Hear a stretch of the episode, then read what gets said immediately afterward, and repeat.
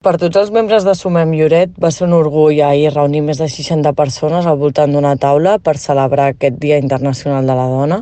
un dia que s'ha de celebrar cada dia, però que realment eh, vam tenir l'oportunitat d'expressar que si finalment jo encapçalo l'alcaldia de Lloret i nosaltres formem part d'aquest govern, doncs la mirada feminista i la igualtat real formarà part del dia a dia del nostre municipi.